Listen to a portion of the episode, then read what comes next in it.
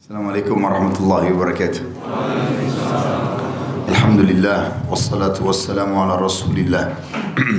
Segala puji dan puja kehadirat Allah Subhanahu wa taala, juga salawat dan taslim kepada Nabi besar Muhammad sallallahu alaihi wasahbihi wasallam. Masih membahas masalah bab pernikahan. Nah, bujang. Dengar baik-baik supaya dipraktikkan. Nikah adalah ibadah dan tidak boleh seorang muslim tinggal tanpa pernikahan. Dan nikah itu bisa menjadi wajib. Sudah kita jelaskan. Dia menjadi wajib pada saat seseorang khawatir terjerumus dalam perzinahan. Enggak boleh ditunda lagi. Dia langsung segera istikharah kepada Allah Subhanahu wa taala dua rakaat, minta petunjuk, kemudian dia melangkah ikhtiar. Carilah pondok pesantren, carilah orang-orang yang saleh, minta tolong sama mereka untuk bisa dibantu.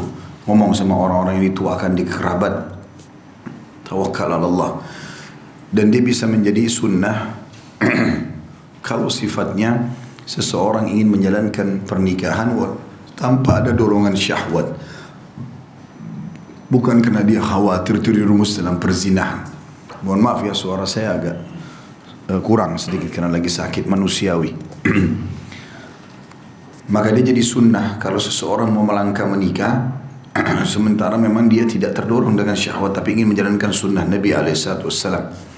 Dia bisa menjadi makruh. Jadi lebih baik dia tidak menikah kalau dalam pernikahan itu datang mudarat lebih besar.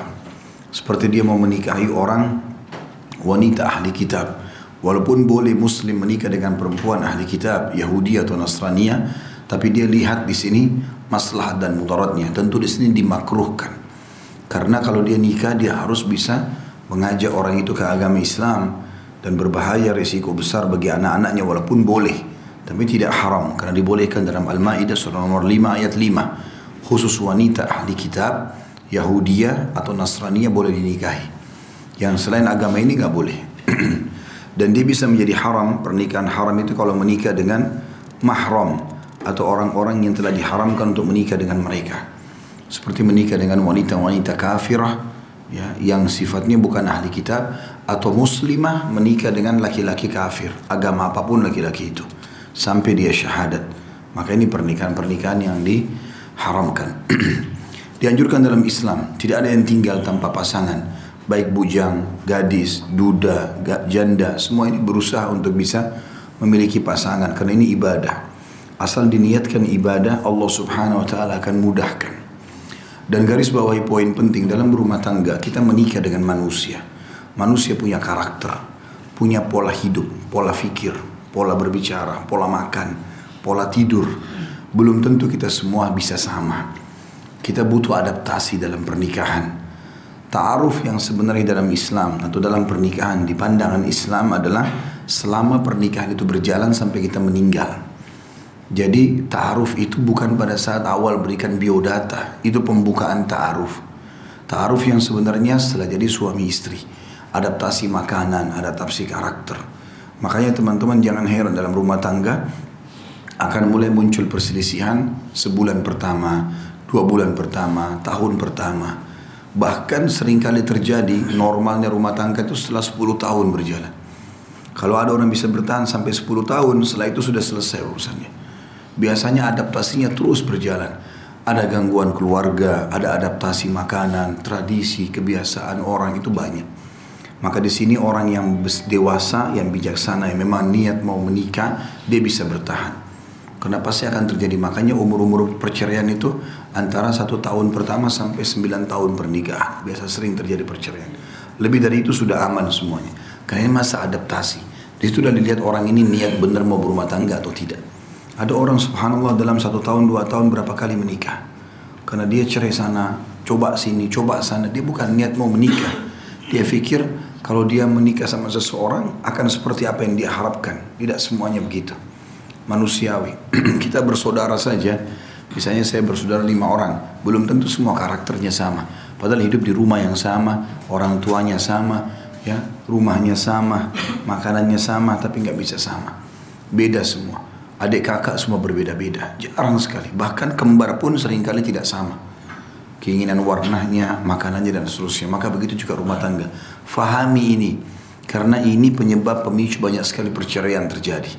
Ya, karena mereka tidak faham kalau ada adaptasi dalam pernikahan. Jadi pernikahan bukan cuma biologis, tapi ada adaptasi di situ. Ada ta'aruf yang sebenarnya. Nah, kita harus yang benar memaafkan dan mendukung. Kemudian yang salah itu meminta maaf dan siap untuk memperbaiki. Itu baru bisa berjalan rumah tangga. Jadi teman-teman yang sudah berumah tangga juga yang belum berumah tangga duduk baik-baik sama pasangan. Yang sudah berumah tangga sekarang bisa duduk sama pasangannya, yang belum berumah tangga nanti kalau menikah duduk sama pasangannya.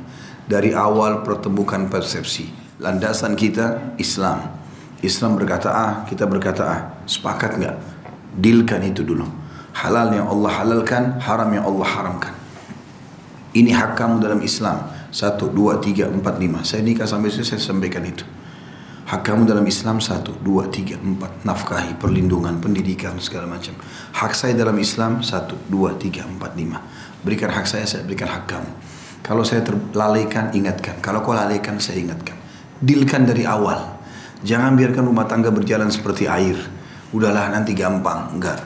Ini akan lahir permasalahan banyak. Dari awal dibangun pondasi. Orang kalau bangun sholat malam, asal bangun saja. Memang dia mau ibadah, tapi kapan dia ngantuk dia tidur. Kapan dia malas dia tidak mau sholat. Tapi kalau orang komitmen dari awal mau sholat malam, baca keutamaannya sebelum tidur, kemudian dibuatlah poin-poin. Nanti kalau dia bangun dia pakai baju ini, sejadahnya ini, bumbu minyak wangi ini, mau mandi dulu, minum teh hangat, pilih surah yang mau dibaca, maka akan lebih rapi. Begitu juga dengan rumah tangga. Ditata supaya rumah tangga itu bisa langgeng berjalan. Kalau enggak akan sulit sekali. Akan sangat sulit ya. Pengalaman-pengalaman kami pribadi dengan juga teman-teman yang sudah berumah tangga apalagi di atas 10 tahun itu pasti tahu bagaimana suka dukanya. Ada adaptasi. Bukan berarti orang itu faham agama lalu tidak ada masalah. Aisyah radhiyallahu anha dengan Nabi SAW sering kali beliau cemburu sering kali beliau punya ada masalah dengan Nabi SAW lalu Nabi SAW ajarkan sampaikan terus.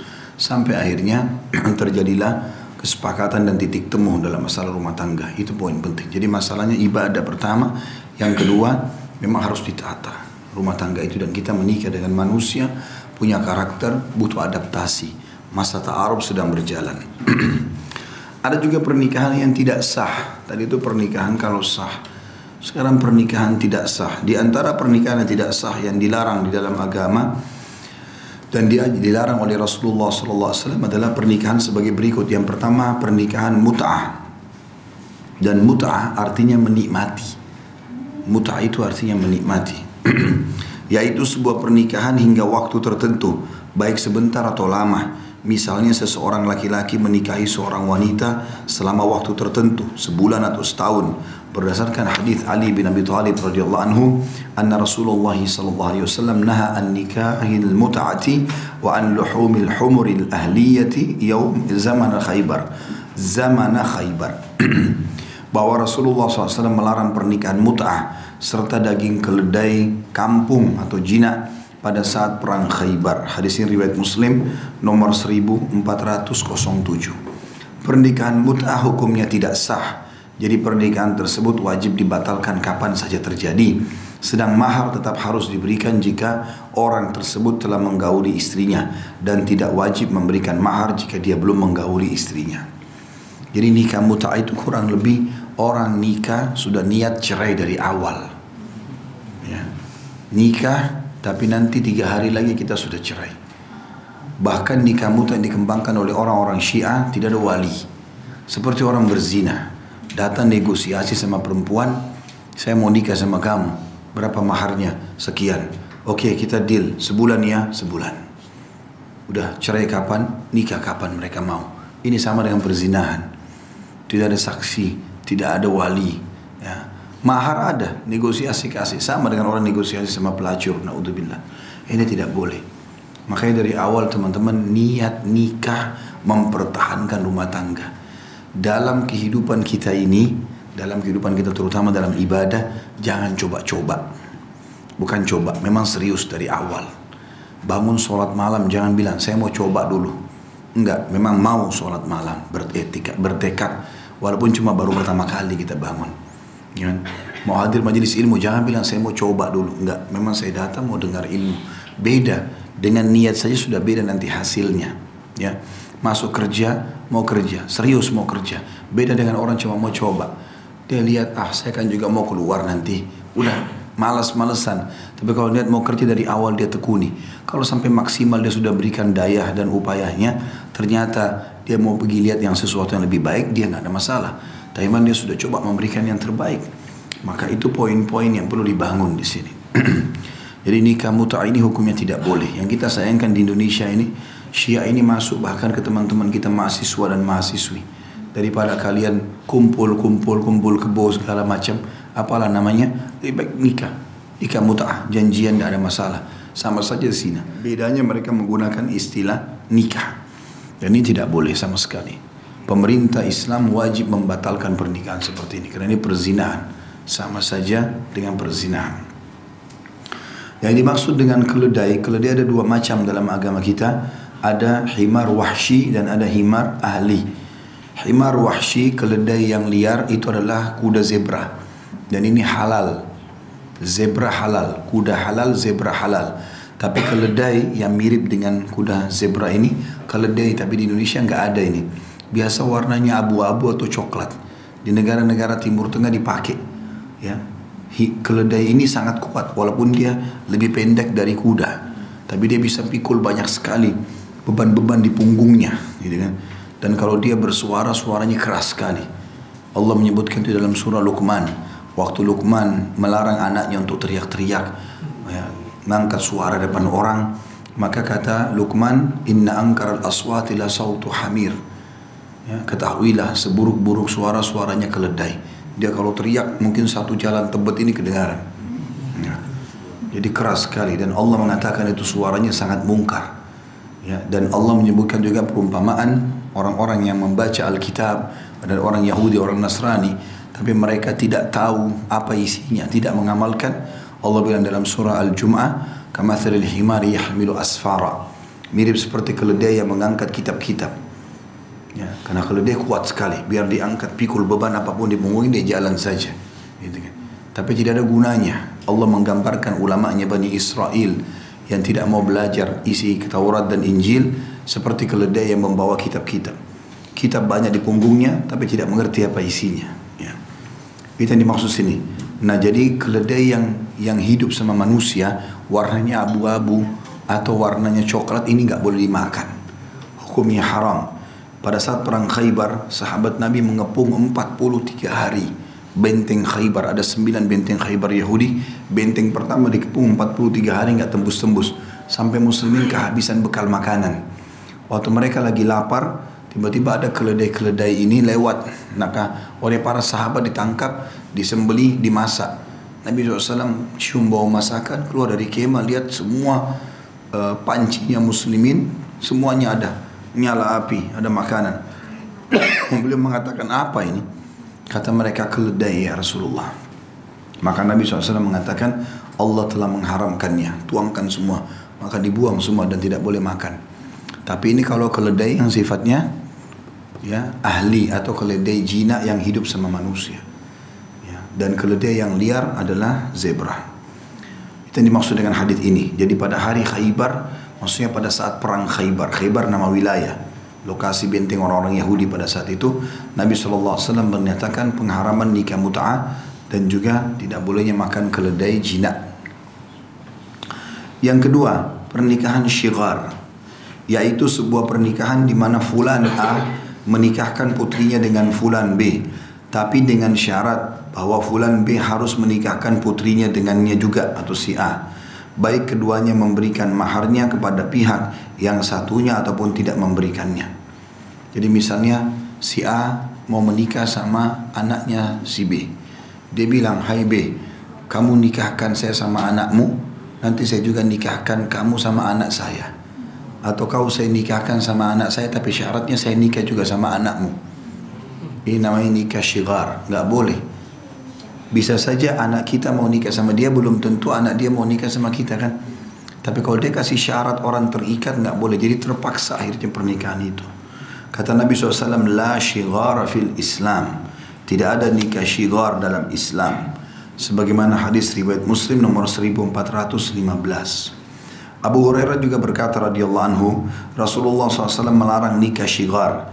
Adapun yang dimaksud dengan nikah syigar adalah seseorang berkata, nikahkanlah aku dengan putrimu, niscaya aku menikahkanmu dengan putriku. Atau ia berkata, nikahkanlah aku dengan saudara perempuanmu, niscaya aku menikahkanmu dengan saudara perempuanku. Hadis ini riwayat Imam Muslim di nomor 1416. Jadi kalau kita mau nikahkan orang sama anak kita, saudari kita ya sudah nikahkan saja. Jangan hubungkan syarat kita juga harus nikah sama anak dia. Ya, jadi tidak boleh ada nikah syarat seperti ini ya dia kita dia nikah ya sudah kan nikah kita nanti melamar kita diterima ya sudah kalau enggak ya sudah seperti itulah Abdullah bin Umar juga radhiyallahu anhu berkata inna Rasulullah sallallahu alaihi wasallam naha 'anil shighar والشغار أن يزوج الرجل ابنته على أن يزوجه ابنته وليس بينهما صداق Sesungguhnya Rasulullah SAW melarang nikah syigar. Adapun nikah syigar ialah seorang bapak menikahkan seseorang dengan putrinya dengan syarat bahwasanya orang itu harus menikahkan dirinya dengan putrinya tanpa mahar di antara keduanya. Hadis riwayat Bukhari nomor 5122, Imam Muslim 1415. Jika pernikahan syigor itu terjadi, maka wajib dibatalkan sebelum suami menggauli istrinya. Sedang jika suami telah menggauli istrinya, maka pernikahan tersebut tetap dibatalkan jika tanpa mahar Adapun bila masing-masing memberikan mahar, maka pernikahan tersebut tidak dibatalkan. Ya, tapi dikasih khiar, dikasih pilihan. Ini pernikahan mau dilanjutkan tidak? Gitu. Jadi ini nikah syigar.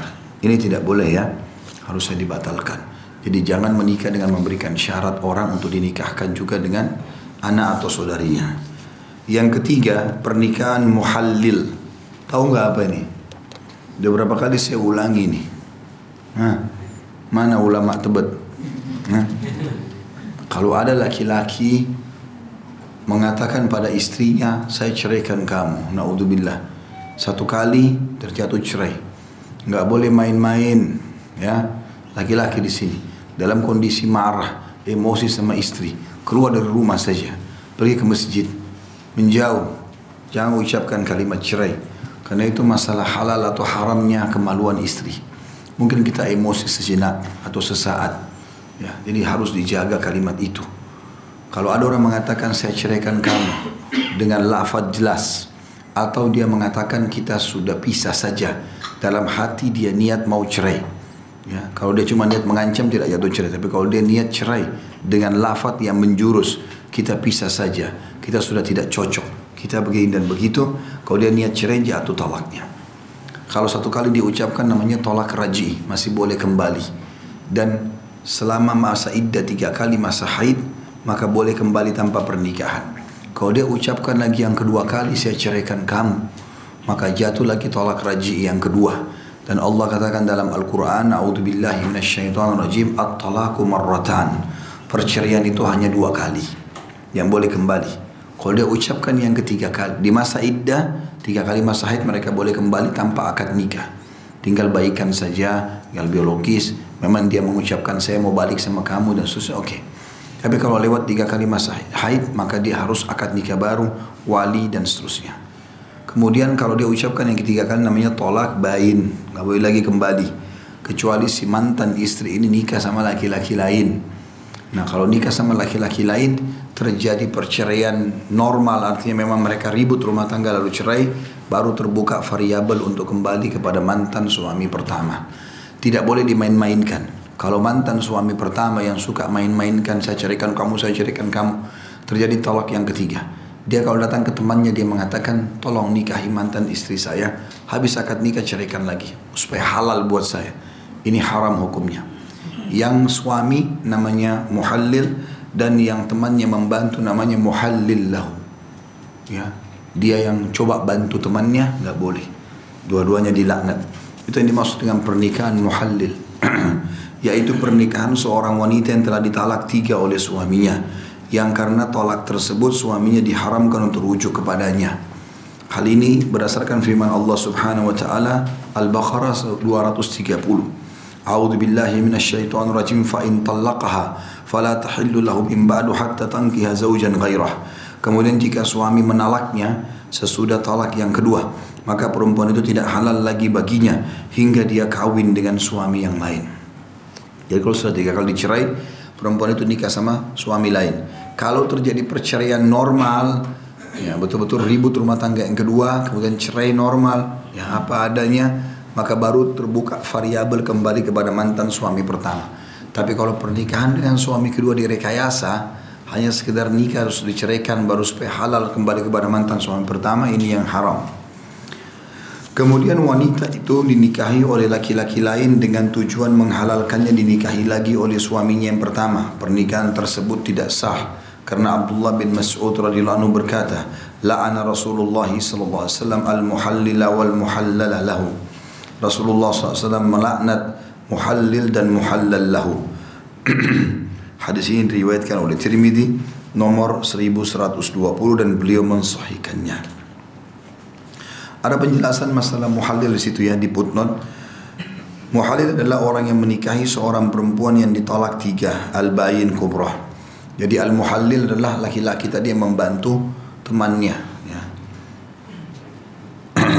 muhallil adalah orang yang menikahi seorang perempuan ditolak tiga atau al-bayin al-kubrah oleh suami sebelumnya dia menikahinya bukan untuk membina rumah tangga tapi untuk dia ceraikan kembali setelah menggaulinya agar suami pertamanya tersebut halal untuk menikahinya kembali.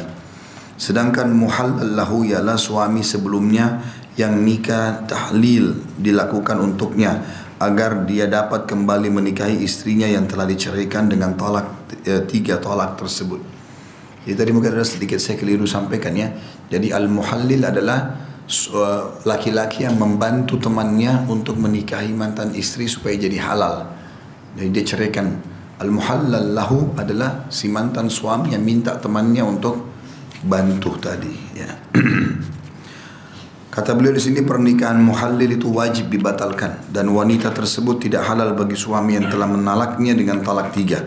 Namun mahar tetap menjadi milik wanita tersebut jika telah digauli dan keduanya wajib dipisahkan.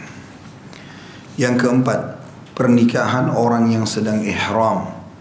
Ya, pakai baju ihram dan memang sudah niat untuk haji atau umroh. Kalau sudah lewat miqat, tempat niat, maka pada saat itu tidak boleh lagi melamar, tidak boleh dilamar, tidak boleh menikah dan tidak boleh menikahkan sampai umrohnya selesai atau hajinya selesai. Ya maksudnya ihramnya selesai. Ya, dia pakai baju ihram, dia tidak boleh melakukan itu. Kata beliau pernikahan yang keempat yang tidak sah adalah pernikahan orang yang ihram yaitu pernikahan orang yang sedang melaksanakan ihram haji atau umrah serta belum memasuki masa tahallul. Tahallul itu cukur rambut.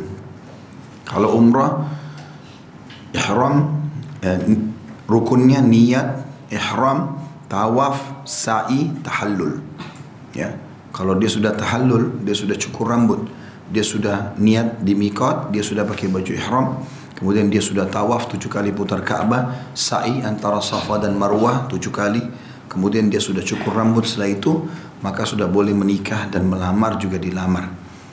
Kalau haji sampai selesai, sampai dia tahallul, tanggal 8 Zulhijjah hari Tarwiyah masuk ke Mina, masih pakai baju ihram. Besoknya hari Sab, uh, uh, tanggal 9 hari Arafah dan Muzdalifah dia masih pakai baju ihram. Hari Ahad Idul Adha itu dia boleh tahallul kalau dia sudah lakukan tiga hal.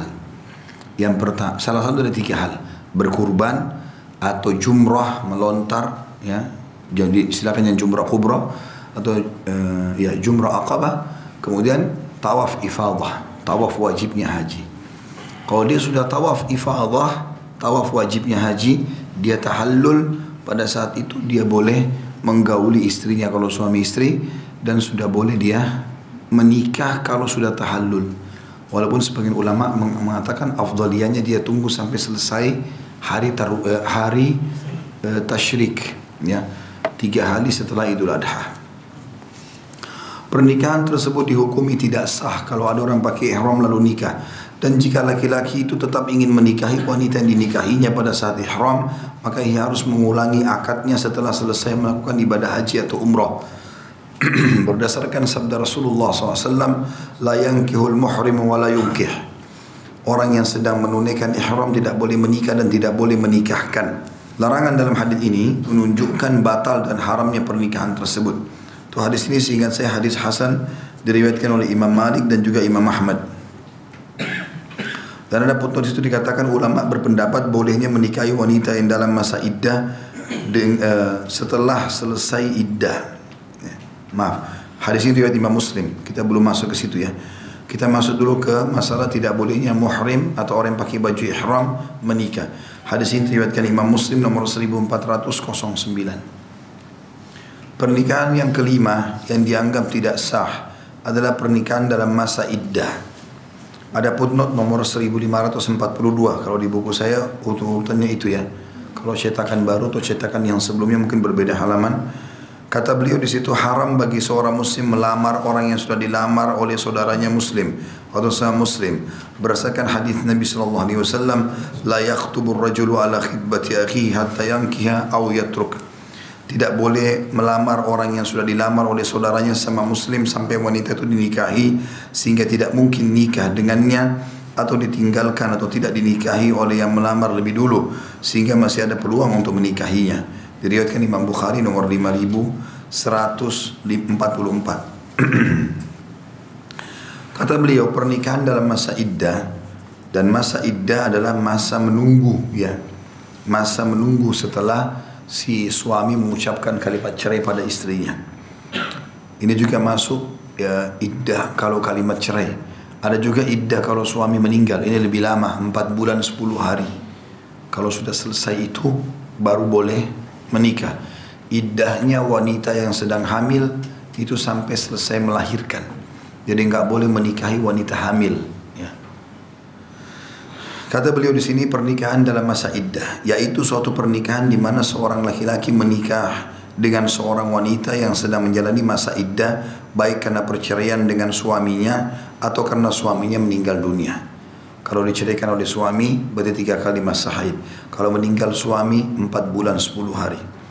Pernikahan tersebut dianggap batal atau tidak sah dan pasangan suami istri tersebut harus dipisahkan karena akad keduanya tidak sah. Sedangkan wanita tetap mendapatkan mahar jika suaminya telah menggaulinya dan laki-laki tersebut diharamkan menikahi wanita tersebut meski masa iddahnya habis sebagai hukuman baginya. Kalau ada orang tetap ngotot menikah dengan wanita yang masih masa iddah, itu dianggap batal. Makanya teman-teman kalau menikah sama janda, tanya baik-baik. Kapan perceraiannya? Jangan sampai dia baru cerai dua hari yang lalu. Oh iya, bukan mustahil. Ya. Tidak semua orang di Indonesia pun punya buku nikah. Banyak orang di pedalaman tidak ada buku nikah. Ya. Saya pernah lihat cuplikan ada diadakan oleh pemerintah nikah masal. Orang sudah tua, sudah punya anak, sudah punya cucu. Rupanya supaya keluar buku nikahnya. Gitu kan. Kadang kadang ada buku nikah. Kadang-kadang orang dulu datang satu kampung dia melamar dia nikah selesai. Gak ada buku nikahnya. Maka kalau cerai juga bisa saja suami cuma bilang saya ceraikan kamu selesai. Maka sudah masuk dalam masa iddah. Tidak boleh menikahi wanita masa iddah. Dan setiap muslim harus bertakwa kepada Allah. Jangan karena mau buru-buru punya status suami, dia masih status istri orang. Karena masa iddah itu masih masa status istri ya. Ya. Termasuk teman-teman ini kasus contoh hukum. Saya kemarin tanya kepada Dr. Ziyad Abadi tentang masalah hukum itu. Bagaimana kalau laki-laki berpoligami, punya empat orang istri. Kemudian dia menceraikan salah satunya. Laki-laki ya. Laki-laki tidak punya masa iddah tapi subhanallah dia kalau punya empat orang istri ini hukum syar'inya. Dia ceraikan salah satunya. Apakah boleh si laki-laki itu langsung menikah lagi untuk menggenapkan poligaminya yang empat sebelum masa iddah istrinya yang terakhir yang dia ceraikan selesai? Enggak boleh. Jadi harus si perempuan tersebut selesai masa iddah. Perempuan itu enggak boleh nikah sama laki-laki lain. Laki-laki ini belum boleh melengkapkan poligaminya empat sampai iddah istri terakhirnya itu selesai. Jadi penting memperhatikan masa iddah ini. Ya, beda kalau bukan orang dalam kondisi empat istri tadi ya. Kalau ada laki-laki dia baru cerai sama istrinya satu hari dua hari dia mau nikah lagi nggak ada masalah karena laki-laki nggak ada iddah. Tapi kalau contoh kasus tadi kalau sudah yang keempat dia nggak boleh lagi menggenapkan sampai iddah istrinya itu selesai. Dan ini pentingnya memahami masalah iddah. Ini banyak terjadi bahkan muslimah di Indonesia. Semoga Allah berikan hidayah. Masih status istrinya orang nikah lagi. Bagaimana bisa? Haram ini batal sekali. Perzinahan harus bertakwa kepada Allah Subhanahu wa taala. Saya ulangi lagi kembali di footnote nomor 1543 di situ ulama berpendapat bolehnya menikahi wanita yang dalam masa iddah setelah selesai iddahnya apabila ia belum menggaulinya ketika iddah. Adapun bila telah digauli ketika iddah, Imam Malik Imam Ahmad rahimahumullah berpendapat bahwa wanita tersebut menjadi haram dinikahi oleh laki-laki itu selamanya. Jadi kalau misalnya antum nikah sama seorang wanita dia dalam masa iddahnya dan antum tahu itu masa iddah, maka di sini wajib pisah. Dianggap batal pernikahan itu. Kalau antum tetap ngotot untuk melanjutkan rumah tangga itu, ya ini kan wajib dibatalkan. Tetap ngotot berarti tidak sah. Dan kalau sudah menggaulinya di masa iddah tadi dia sudah tahu masa iddah dia gauli. Maka setelah selesai masa iddah pun kan itu harus batal pernikahannya dianggap perzinahan. Batal. Kalau setelah iddah dia mau nikah sudah nggak boleh lagi kalau dia sudah menggauli di masa iddah tapi kalau ada orang menikah dengan seorang wanita masa iddah belum dia gauli dia tahu kalau perempuan dalam masa iddah maka di situ batal pernikahannya tapi karena dia belum menggaulinya maka setelah masa iddah tiga kali masa haid boleh dia nikahi wanita itu. Syaratnya tadi sudah digauli atau tidak digauli. Berdasarkan firman Allah Subhanahu wa taala di dalam surah Al-Baqarah ayat 235. Billahi minasyaitonir rajim wa la ta'zimu 'uqdatan nikahi hatta yablugha al-kitabu ajalah. Dan janganlah kamu berazam atau berketetapan hati untuk berakad nikah sebelum habis iddahnya. Ya, jadi akhwat kita Iddah itu adalah masa muhasabah. Masa muhasabah. Bagaimana kalau dia yang salah, dia justru harus tidak keluar dari rumah suaminya, dia muhasabah, dia minta maaf, dia dandan supaya suaminya mau kembali sama dia. Tapi kalau suaminya yang buruk, ya suaminya pemabuk, berbahaya bagi kejiwaannya, maka masa iddah ini justru masa kesempatan dia bermuhasabah dan menjauhkan diri dari si suami yang buruk tadi. Si suami juga kesempatan bertaubat, ya. Tapi tetap si perempuan tidak boleh walaupun suaminya buruk untuk dia langsung menerima lamaran sementara masih dalam masa iddah. Dan sebagian ulama menganggap kalau orang menikah dalam masa iddah berarti sama saja menikah dengan perempuan yang masih ada status suaminya.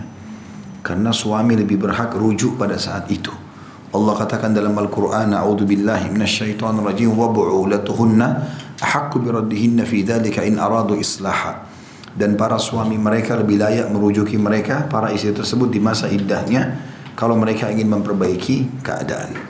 Yang keenam yang dianggap juga pernikahan batal, pernikahan tanpa wali, yaitu sebuah pernikahan yang dilakukan seorang laki-laki dengan seorang wanita tanpa seizin walinya. Pernikahan tersebut dianggap batal karena rukun-rukunnya tidak terpenuhi dengan sempurna, yaitu tidak adanya wali. Berdasarkan sabda Rasulullah sallallahu alaihi wasallam la nikah illa biwali. Tidak ada nikah kecuali dengan wali. Pasangan suami istri yang melaksanakan pernikahan tersebut harus dipisahkan dan wanita berhak atas mahar yang diberikan kepadanya jika ia telah digauli dan setelah wanita tersebut suci dari haidnya maka laki-laki tersebut boleh menikahinya dengan akad baru dan mahar baru jika direstui oleh wali wanita tersebut. Intinya kalau menikah tanpa wali batal. Ya. Kalau ada yang sudah terlanjur menikah dan sudah digauli, maka berarti mahar yang dikasih jadi halal buat perempuan tersebut, tapi tidak boleh dilanjutkan rumah tangga itu. Karena wali wajib mengizinkan itu, yaitu ayah kandungnya si wanita. Ikhwas kalian, laki-laki bertakwa kepada Allah. Kalau tidak setuju ayahnya perempuan, cari supaya dia setuju. Cari keriduannya paling tidak dia mengalihkan kepada pewalian tersebut kepada orang lain. Siapa yang dia tunjuk? Misalnya dia jengkel dia nggak mau hadir. Paling tidak dia tunjuk saudaranya kah sepupunya kah? Siapa saja dari kerabat yang dia tunjuk boleh menjadi wali maka tidak ada masalah. Bisa jadi sah. Dan dia tidak mau hadir. Tapi kalau dia tidak ridho dia nggak mau nggak bisa satu-satunya keadaan bisa dikhalak diangkat diambil kewalihan secara paksa oleh pemerintah kalau si ayah ini hilang akal, murtad dari Islam, tidak ada hak kewalihannya, atau memang dia dasarnya ingin memberikan mudarat kepada anak perempuannya. Jadi misalnya si anak perempuan dilamar oleh laki-laki soleh, dia tidak suka. Dia mau paksa perempuan ini anaknya lahir menikah sama Anak perempuannya nikah sama pemabuk, penjahat. Nah, mungkin karena bapaknya juga penjahat si perempuan ini maka dia setuju dengan yang setara sama dia. Maka ini boleh ditarik oleh pemerintah kepada wali hakim. Karena ini bisa mendatangkan bahaya bagi si anak perempuan tadi. Selanjutnya yang ketujuh, pernikahan dengan wanita kafir selain wanita-wanita ahli kitab. Yang tadi saya bilang. Jadi Yahudiyah, wanita perempuan Yahudi dan wanita Nasraniyah, perempuan wanita Nasrani boleh dinikahi oleh laki-laki muslim. Hanya dua ini saja. Dua agama. Hindu, Buddha, apa semua ini nggak boleh. Ya. Berdasarkan firman Allah Subhanahu wa taala, "Wala tankihul musyrikati hatta yu'min." Dan janganlah kamu nikahi wanita musyrik hatta atau sampai mereka beriman. Al-Baqarah 221. Jadi orang Islam haram menikahi wanita kafir dari kalangan agama Majusi. Majusi itu penyembah api, komunis atau penyembah berhala dan wanita muslimah pun diharamkan secara mutlak menikah dengan laki-laki dari kalangan ahli kitab atau orang kafir dari kalangan non ahli kitab. Berdasarkan firman Allah Subhanahu wa taala lahunna lahum wa lahum lahun. Dalam surah Al-Mumtahina ayat 10 mereka wanita-wanita muslimah itu tidak halal bagi orang-orang kafir dan orang-orang kafir tidak halal pula bagi mereka di antara ketentuan hukum mengenai masalah ini ada beberapa atau ada sebagai ada beberapa poin ya sebagai berikut yang pertama, jika salah seorang dari suami istri masuk Islam, misalnya suaminya masuk Islam, maka pernikahan keduanya menjadi batal. Jika kemudian istrinya juga masuk Islam, sebelum masa iddahnya habis, maka keduanya tetap dalam pernikahan pertama keduanya. Tetapi jika istrinya masuk Islam setelah masa iddahnya habis, maka harus dilangsungkan akad nikah baru dengan mahar baru jika direstui walinya sebagaimana pendapat jumhur ulama. Hadi eh, ada pun nomor 1544. Pendapat jumhur ini tidak dapat dibantah oleh orang-orang yang mengatakan bahwa Rasulullah SAW telah mengembalikan Zainab kepada suaminya Abul As padahal keislaman suaminya setelah beberapa waktu dari keislaman Zainab karena mungkin saja hukum nikah dengan orang kafir belum turun. Dan ketika turun hukumnya Zainab diperintahkan beriddah. Dan belum selesai masa iddahnya lalu suaminya datang dalam keadaan telah memeluk Islam. Maka Zainab dikembalikan kepada suaminya dengan pernikahan yang pertama tanpa akad baru. Ya, jadi hukum ini perlu difahami ya. Sekali lagi kalau ada suami istri itu yang dikatakan oleh beliau. Suami istri masuk Islam. Misalnya suaminya masuk Islam istrinya belum masuk Islam. Maka secara otomatis nikah mereka batal pada saat itu. Dianggap batal. Dan perempuan itu sudah melalui masa iddah. Walaupun suaminya tidak bilang saya ceraikan kamu. Tapi istrinya masih dalam keadaan kafir ya. Seperti itulah. Maka di sini si kalau si istri masuk Islam sebelum selesai masa iddah sebelum tiga kali masa haid kata jumhur ulama ini berarti mereka langsung jadi suami istri tidak butuh akad nikah pernikahan mereka yang dulu dalam agama mereka diterima. Kalau seandainya masa iddahnya sudah lewat, maka berarti lalu perempuan itu masuk Islam, barulah pada saat itu mereka ya uh, menikah baru, akad baru dan segala macam, gitu kan? Ini pendapat jumhur ulama. Kalau pendapat sebagian ulama yang beliau sebutkan dalam footnote tadi, ada yang mengatakan kalau selama si wanita tadi yang tidak masuk Islam atau si laki-laki yang tidak masuk Islam tadi itu uh, si perempuan ini belum menikah sama laki-laki lain berapa tahun pun berlalu boleh tetap akad nikah uh, boleh saja kembali. Diambil daripada kisah Zainab radhiyallahu anha anak Nabi wasallam jadi Zainab ini pada saat fase Mekah dulu beliau menikah sama Abul As. Abul As ini orang kafir. Belum Nabi SAW belum dinobatkan jadi Nabi waktu itu. Abul As salah satu tokoh Mekah yang terkenal juga orangnya baik dan amanah. Nanti dia masuk Islam anhu. Awal-awal Islam gak mau masuk Islam. Bahkan dia ikut berperang di perang Badr. Memerangi muslimin. Itu anak mantunya Nabi. Jadi di fase Mekah, di awal-awal perintah keagamaan Islam ini, itu Nabi SAW berdakwah 13 tahun. Dan pada saat itu karena Abdul As tidak mau masuk Islam, Zainab masuk Islam maka Nabi pisahkan. Fase Mekah cukup lama, 13 tahun. Belum lagi di Madinah. Perang Badar terjadi tahun 2 Hijriah. Di perang itulah ditawan Abul As, ya. Dia di waktu ditawan dia dengar Al-Qur'an, dia dengar lihat orang sholat, ya. Dia, dia lihat perilaku dan sikap sahabat, dia tertarik. Maka dia dibebaskan oleh Nabi SAW karena Zainab menebus Abul As dengan kalung yang pernah dihadiahkan oleh Khadijah di pernikahan Zainab sama Abul As. Dan Nabi SAW waktu lihat kalung itu sedih beliau alaihissalam karena ingat Khadijah radhiyallahu anha. Maka Nabi SAW bilang kepada para sahabat terserah kalian. Maka mereka pun membebaskan Abul As. Abul As lihat kebaikan Islam, dia pulang ke Mekah, dia kembalikan amanahnya semua orang, baru dia syahadat dia kembali. Nah, waktu dia kembali ke Madinah Nabi langsung kumpulkan sama Zainab nggak pakai akad nikah baru.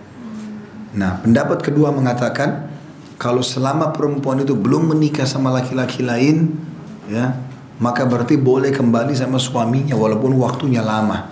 Jadi ini khilaf di antara ulama ya. Tapi kalau si perempuan tadi ya misal ada perempuan mus, perempuan kafir masuk Islam suaminya masih dalam keadaan kafir. Ini sama kasusnya. Berarti langsung terjadi cerai pada saat itu. Karena nggak boleh muslimah kumpul sama laki-laki kafir. Sebagian wanita yang masuk Islam di Mekah, mereka karena tidak mau lagi kumpul sama suaminya, karena suaminya nggak mau masuk Islam, mereka hijrah ke Madinah. Perempuan-perempuan ini hijrah ke Madinah. Waktu hijrah ke Madinah, ya, kemudian Nabi alaihissalam menerima mereka, orang-orang yang di Mekah suami-suami mereka mengatakan sesungguhnya ya uh, istri-istri kami diambil oleh Muhammad. Maka Allah turunkan ayatnya tadi surah Mumtahinah ayat 10 Hai Muhammad jangan kau kembalikan lagi mereka pada suami-suami mereka itu karena tidak halal mereka tidak halal. Di sini ya disebutkan Mumtahina ayat 10, mereka wanita-wanita muslimah itu tidak halal lagi bagi orang-orang kafir. Padahal itu suami-suami mereka. Dan orang-orang kafir itu suami-suami mereka tidak halal bagi mereka. Nah, sebagian sahabat yang mau menikahi wanita-wanita ini diizinkan, tapi syaratnya adalah mereka mengembalikan maharnya suami yang kafir tadi, kemudian setelah selesai masa iddah dinikahi. Nah kalau si muslimah ini sudah menikah dengan laki-laki lain berarti sudah selesai. Nggak ada lagi kesempatan untuk rujuk dengan mantan suaminya walaupun suaminya masuk Islam. Poin B-nya, jika seorang istri yang kafir masuk Islam sebelum digauli suaminya yang kafir, maka ia tidak berhak atas mahar karena perceraian disebabkan oleh dirinya jika suaminya masuk Islam, maka ia berhak mendapatkan separuh mahar. Jika ia masuk Islam setelah digauli suaminya, maka ia berhak mendapatkan mahar secara utuh. Hukum kemurtadan salah satu dari suami istri sama dengan hukum masuk Islamnya salah satu dari keduanya tanpa ada perbedaan sedikit pun. Artinya kalau suami istri tiba-tiba si istri murtad atau si suami murtad maka langsung jatuh cerai gitulah. Seperti itu yang dikatakan oleh beliau di poin B sama hukumnya dengan kalau tadi salah satunya masuk Islam. Salah satunya masuk Islam. Kemudian masalah halal mahar atau tidak ini adalah masalah digauli atau belum digauli. Kalau sudah digauli berarti maharnya jadi halal buat dia atau si wanita tadi. Poin C-nya, jika seorang suami yang kafir masuk Islam dan ia beristri lebih dari empat orang yang juga ikut masuk Islam bersamanya. Jadi e, di masa jahiliyah dulu oh, laki-laki tidak dibatasi sampai empat istri. Orang-orang yang mampu dia punya sembilan istri, sepuluh istri, gitu kan. Nah kalau seandainya dia masuk Islam bersama istri-istrinya ini lebih dari empat orang, ya saya ulangi poin C, jika seorang suami yang kafir masuk Islam dan ia beristri lebih dari empat orang yang juga ikut masuk Islam bersamanya, atau istri-istrinya itu dari ahli kitab meski tidak masuk Islam bersamanya maka ia harus memilih empat orang saja dari mereka serta menceraikan sisanya. Hal itu berdasarkan sabda Rasulullah SAW ditujukan kepada seseorang yang masuk Islam sedangkan ia beristri sebanyak sepuluh orang. Ikhtar minhunna arba'ah pilihlah empat orang dari mereka Hadis ini riwayatkan Imam Ahmad nomor 5495, Tirmidzi 1128. Hadis ini juga disahihkan oleh Ibnu Hibban di nomor 4156 dan diamalkan oleh umumnya kaum muslimin.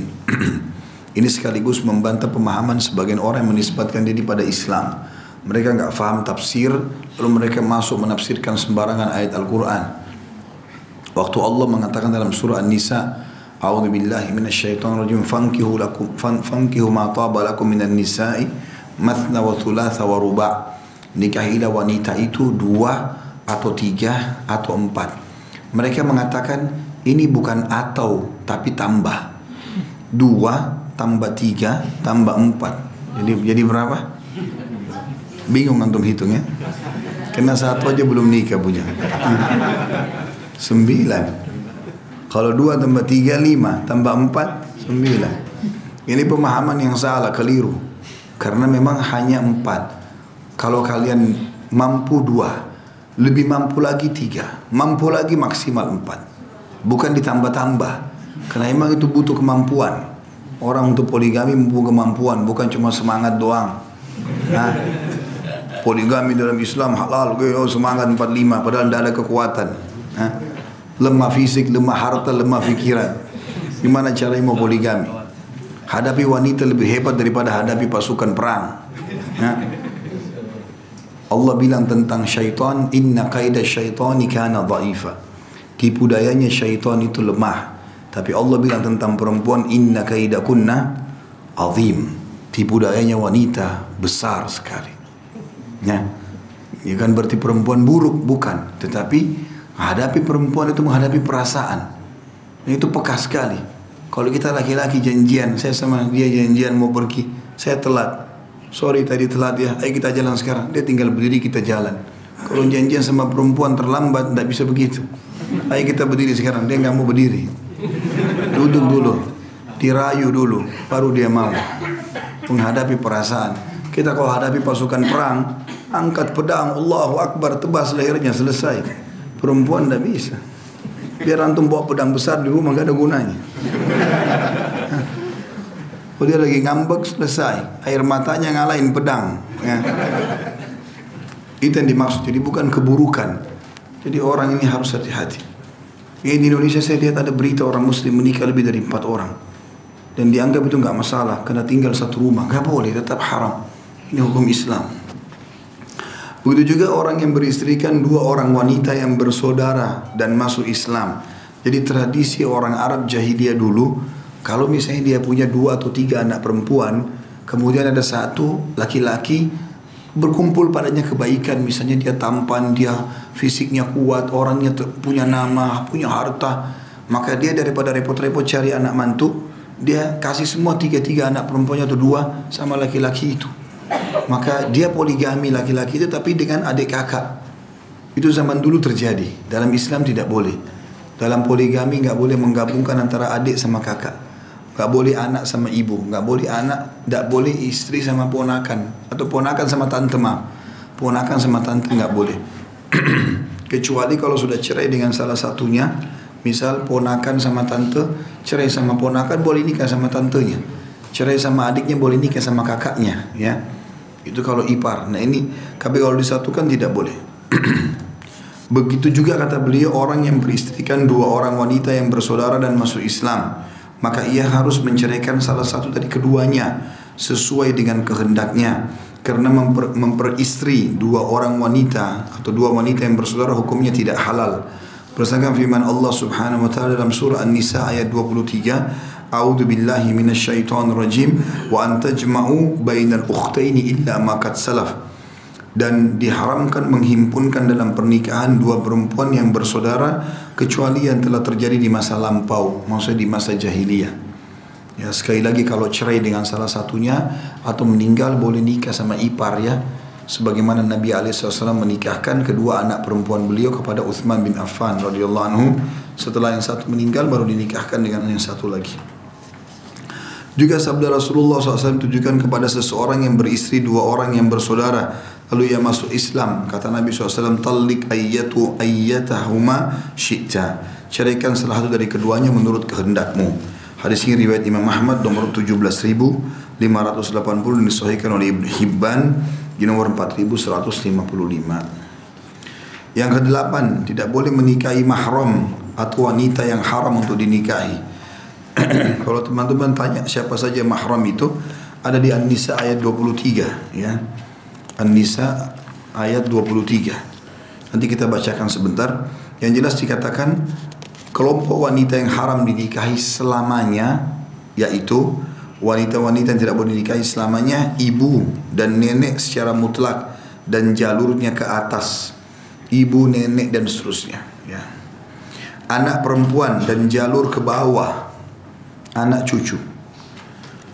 Cucu perempuan dari anak laki-laki dan anak perempuan dari jalur ke bawahnya. Cucu maksudnya ya saudara perempuan secara mutlak saudari perempuan. Baik saudari seayah seibu seibu atau seayah juga anak perempuan dari saudara perempuan ponakan dari anak kakak atau adik kita perempuan. Anak perempuan dari saudara laki-lakinya dan jalur ke bawahnya bibi dari jalur bapak secara mutlak dan jalur ke atas bibi dari jalur ibu secara mutlak dan jalur ke atasnya Maksudnya saudari ibu dan saudari ayah, tante dari ibu, tante dari ayah, semuanya nggak boleh menikah.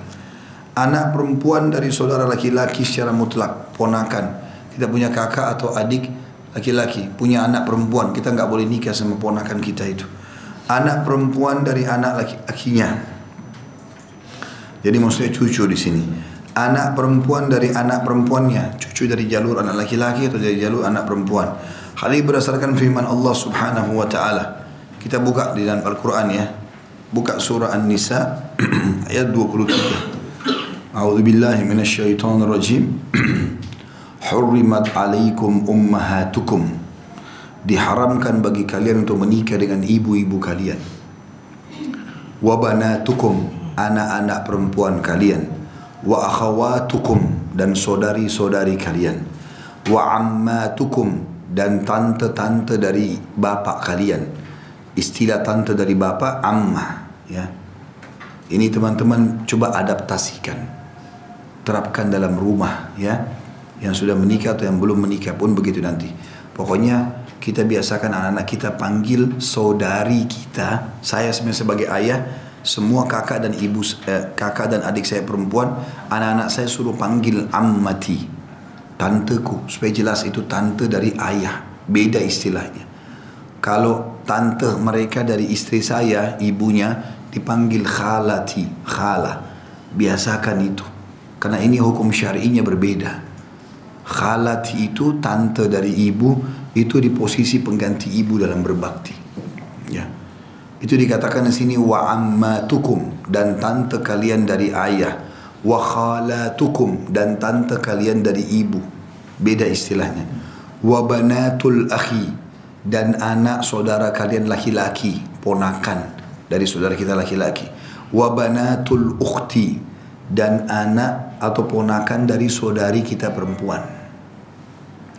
Wa ummahatukum allati arda'nakum dan ibu-ibu kalian yang menyusui kalian ya. menyusui pernah saya jelaskan antara 3 sampai 5 kali. Umumnya 5 kali kata ulama sampai kenyang. Berarti anak itu menjadi anak susuan, ya. Wa akhawatukum minar radha'ah. Begitu juga saudari-saudari kalian dari susuan. Pernah saya kasih contoh, kalau saya disusui oleh ibu tetangga, ibu tetangga punya tiga anak perempuan, saya disusui sampai kenyang lima kali, maka ibu itu jadi ibu saya, anak-anak yang jadi saudari saya. Walaupun bukan satu rahim, bukan satu sperma, ya.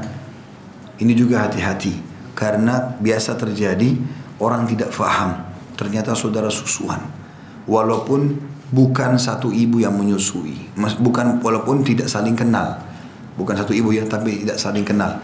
Di zaman Nabi SAW jadi contoh saja misalnya ada orang uh, Sulawesi misal contoh pernah tinggal di Sumatera ini yang dari Sulawesi ibu punya asi banyak. Dia tinggal di Sumatera bertetangga sama orang Sumatera. Dia tawarkan tetangganya itu mau nggak anakmu saya susui. Yang orang muslimah dari Sumatera bilang silahkan disusuilah sampai kenyang. Berarti kalau ibu yang dari Sumatera punya anak laki-laki, itu mahramnya ibu ini, ya. Misal ibu dari Sulawesi ini pindah ke Jawa 5 atau 10 tahun ke depannya, dia juga kebetulan masih menyusui anak lain, anaknya dia baru lahir misalnya. Tetangganya dari Jawa ini dia tawarkan juga disusui. Disusuilah anak dari Jawa ini. Misal anak ibu dari Jawa ini punya anak perempuan. Ini contoh saja ya, supaya mudah difahami. Maka sekarang ibu yang dari Sulawesi ini punya dua anak susuan. Satu laki-laki dari Sumatera, satu laki-laki, satu perempuan dari Jawa. Nah, yang dari Sumatera dan dari Jawa ini tidak boleh menikah karena saudara susuan. Walaupun ibu yang susuinya orang lain bukan kerabat mereka. Ya, jadi tidak harus kasusnya anak yang perempuan dari Jawa tadi disusui oleh ibunya anak laki-laki yang dari Sumatera tidak harus begitu. Bisa saja orang lain. Makanya pernah Nabi SAW baru selesai ada akad nikah di masjid beliau. Begitu selesai akad nikah ada ibu tua datang mengatakan ya Rasulullah ini dua orang saya pernah susuin nih. Ini pernah saya susuin, ini pernah saya susuin. Nabi ceraikan. Nah akhirnya Nabi mengatakan bagaimana kalian bisa bertahan suami istri sementara sudah ada yang mengakui itu. Ya, jadi hati-hati masalah ini. Ibu-ibu yang suka bagi-bagi asinya harus jelas nasabnya. Iya, karena ada orang begitu donor asi. Karena memang asi itu sifatnya kalau makin sering dikeluarkan makin banyak kuasa Allah Subhanahu wa taala. Maka biasanya ada orang gitu donor-donorin tapi dia harus tahu beritahu siapa karena itu yang disusui sekarang kalau dia donorkan di rumah sakit satu hari satu liter misalnya di situ ada seratus bayi ya sekarang kalau dikasih susu lima anak bayi bagi-bagi kan sampai kenyang tergantung mungkin bayi itu hanya minum berapa mili kenyang Allah alam besok dia kasih lagi lusa dia kasih lima kali aja nyusui sudah jadi mahramnya dia mahram anaknya berapa banyak kalau dia dalam 10 tahun donor asli di situ Berapa banyak anak susunya? Ada kan orang begitu subur ya? Masya Allah setelah masa masa nifas hamil lagi, masa nifas hamil lagi. Mungkin dia donorin terus asinya. Niatnya baik tapi ini ada hukum syar'i. Nggak boleh sembarangan. Lalu dikatakan lanjutannya wa ummahatun nisaikum dan ibu-ibu istri kalian, mertua. Mertua ini haram, nggak boleh menikah. Dan tidak ada namanya mantan mertua. Nggak ada namanya mantan anak mantu ya selama kita sudah menikah sama anaknya walaupun kita cerai sama anaknya tetap ibu mertua atau ayah mertua ini mahram kemudian dikatakan allati fi hujurikum min nisaikum allati dakhaltum bihin min nisaikum allati dakhaltum bihin fa in lam takunu dakhaltum bihinna fala junaha alaikum dan anak-anak perempuan dari istri-istri kalian maksudnya janda yang telah kalian gauli ibu-ibunya. Jadi kalau seorang di antara kita menikah dengan janda, dia punya anak gadis. Kapan kita menikah dan sudah sempat biologis walaupun sekali, anak gadisnya si janda itu jadi mahram kita selamanya. Walaupun kita cerai sama ibunya. Ya. Kecuali dalam satu keadaan memang orang menikah sama janda belum sempat digauli si janda meninggal atau misalnya cerai belum sempat digauli maka anak si janda nggak jadi mahram ya kita disebutkan di sini dan anak-anak perempuan dari istri-istri kalian yang ada di bawah naungan kalian yang telah kalian gauli para istri itu janda-janda itu. Fa in lam takunu dakhaltum bihin tapi kalau kalian belum menggauli si janda tadi fala junaha alaikum. Tidak ada masalah kalian menikah dengan anak-anak si janda tadi. Kemudian wa halailu abnaikum allati wa halailu abnaikum alladina min aslabikum. Dan istri-istri anak kalian. Ini anak mantu. Ya, anak mantu. Wa antajmu bainal ukhtaini illa ma qad sabaq dan kalian menggabungkan antara dua saudara kecuali yang sudah berlalu. Ya, innallaha kana ghafurar rahima. Allah Maha Pengampun lagi Maha Penyayang. Ya, itu yang dimaksud dengan poin tadi ini. Sebenarnya tinggal sedikit lagi ya. Tapi kalau masalah mungkin sampai sini saja dulu insya Allah. Kita nanti diingatkan kita akan masuk ke poin kedua ya. Wanita yang haram dinikahi karena pernikahan. Kalau tadi dilarang menikahi karena mahram. Ya.